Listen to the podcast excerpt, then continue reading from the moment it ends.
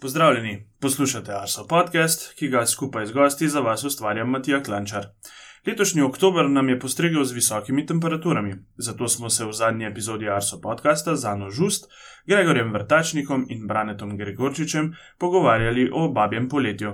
Vabljeni tudi k poslušanju vseh preteklih epizod, ki jih najdete na naši spletni strani. Najdete nas tudi na družabnih omrežjih, na Twitterju smo Meteosi, na Facebooku pa smo Arso Vreme. Če bi v prihodnje želeli slišati kakšno posebno tematiko, nam pustite kakšno sporočilo. V veliko pomoč pri širjenju naše besede so tudi ocene na Apple Podcasts, vse komentarje, pripombe in predloge pa nam lahko sporočite na elektronski naslov podcast.arso.afnago.si.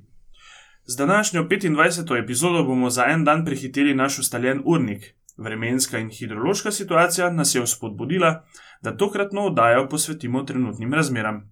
Z mano danes sta prognostik Blašter in pa hidrolog Janez Polajner. Zdravo. Zdravo.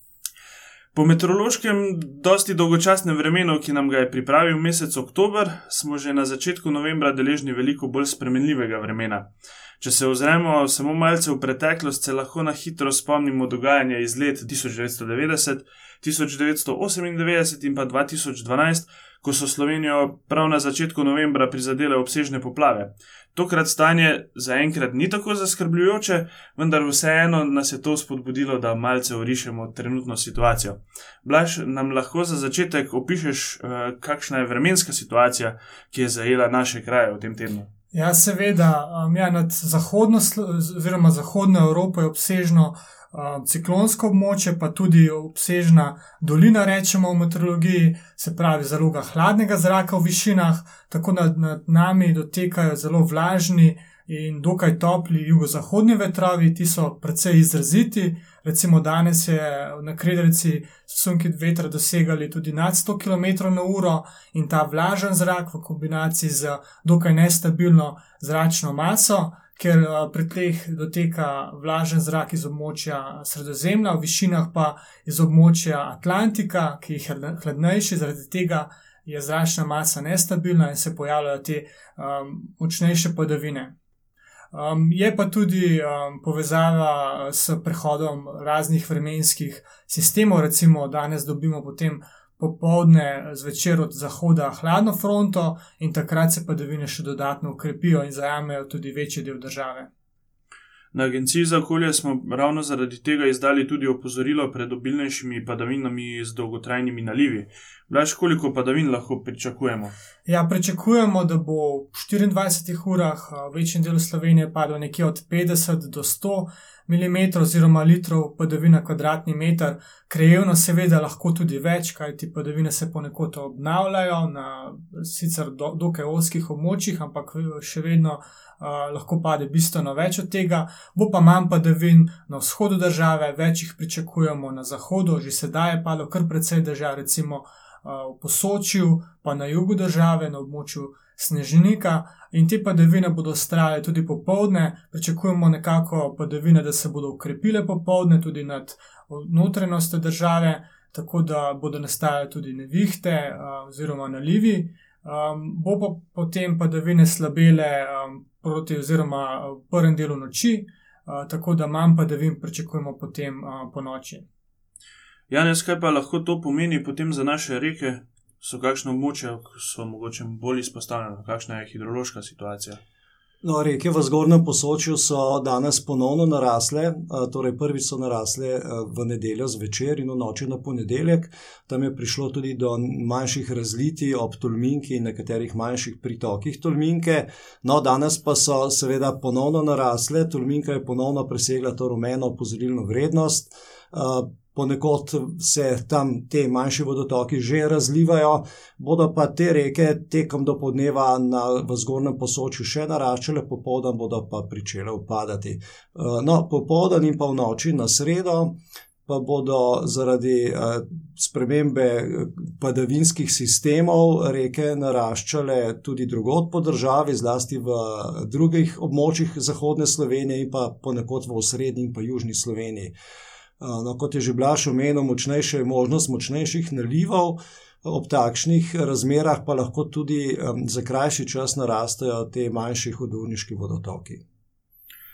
Uh, če pogledamo mogoče malce bolj v prihodnost, ne vem, mene, sedemdnevna napoved, Ja. že nekako modeli nam rišejo, uh, se nam mogoče obeta bila še kakšna večja pošiljka padavin. Ja, mogoče preden pridemo na prognozo dolgoročno, lahko menimo, da poleg padavin a, velja omeniti tudi previdnost, kar se tiče močnega vetra, kajti v višinah je res veter zelo močan in tudi ponekod v neko, nekoliko više ležečih krajih piha kar okrepljen jugozahodni veter, tako da lahko sunki tega vetra presegajo tudi hitrost 50 km, nekje do 70 a, nekoliko više v sredogorju in visokogorju, pa seveda tudi nad 100 km/h. Tako da ta veter je, bo dokaj izrazit tudi popovdne, zlasti v prehodu kakšnih teh vremenskih sistemov oziroma neviht.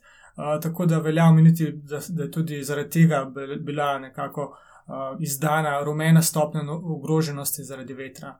Bo pa ja, a, jutri recimo ta dež oslabel, vendar še vedno se bodo pojavljale plohe, tako da um, bo nekaj dežja, vendar manj kot danes, danes, potem bolj suh, pa četrtek, popoldne celo nekaj sonca, uh, v petek pa znova pooblačitve in verjetno potem v noči na soboto večja pošiljka padavin.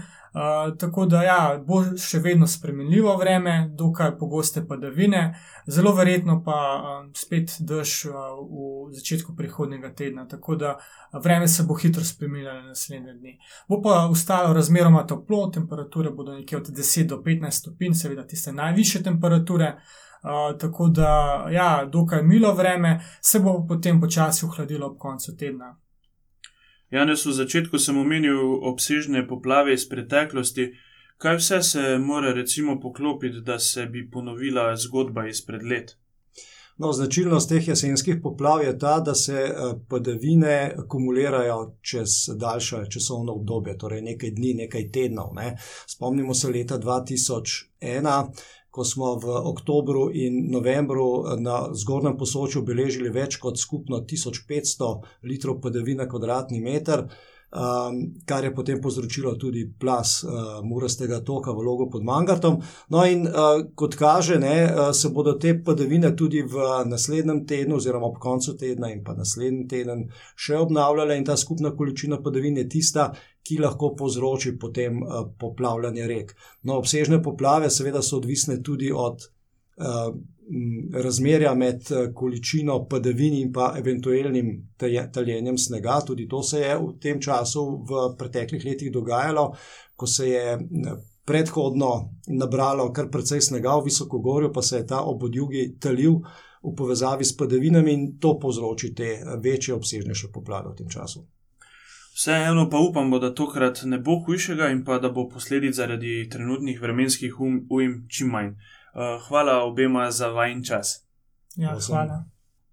Za konec pa prisluhnimo še nekaj vremenskim rekordom letošnjega oktobra.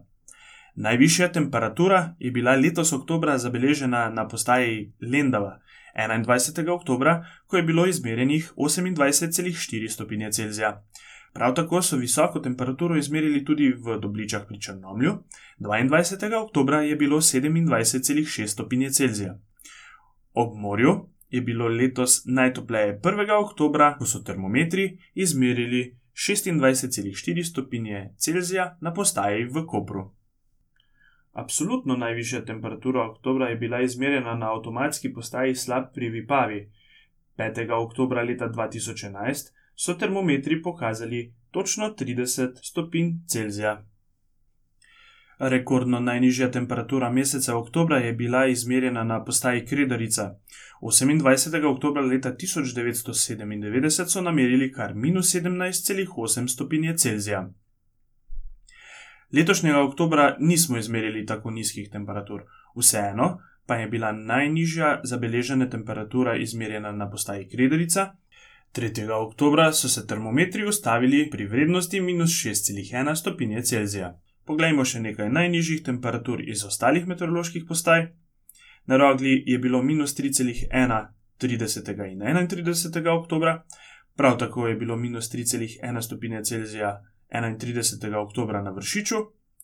Tudi na Babnem polju je bila najnižja temperatura meseca oktobra minus 3,1 stopinja Celzija, to so izmerili 25. oktobra.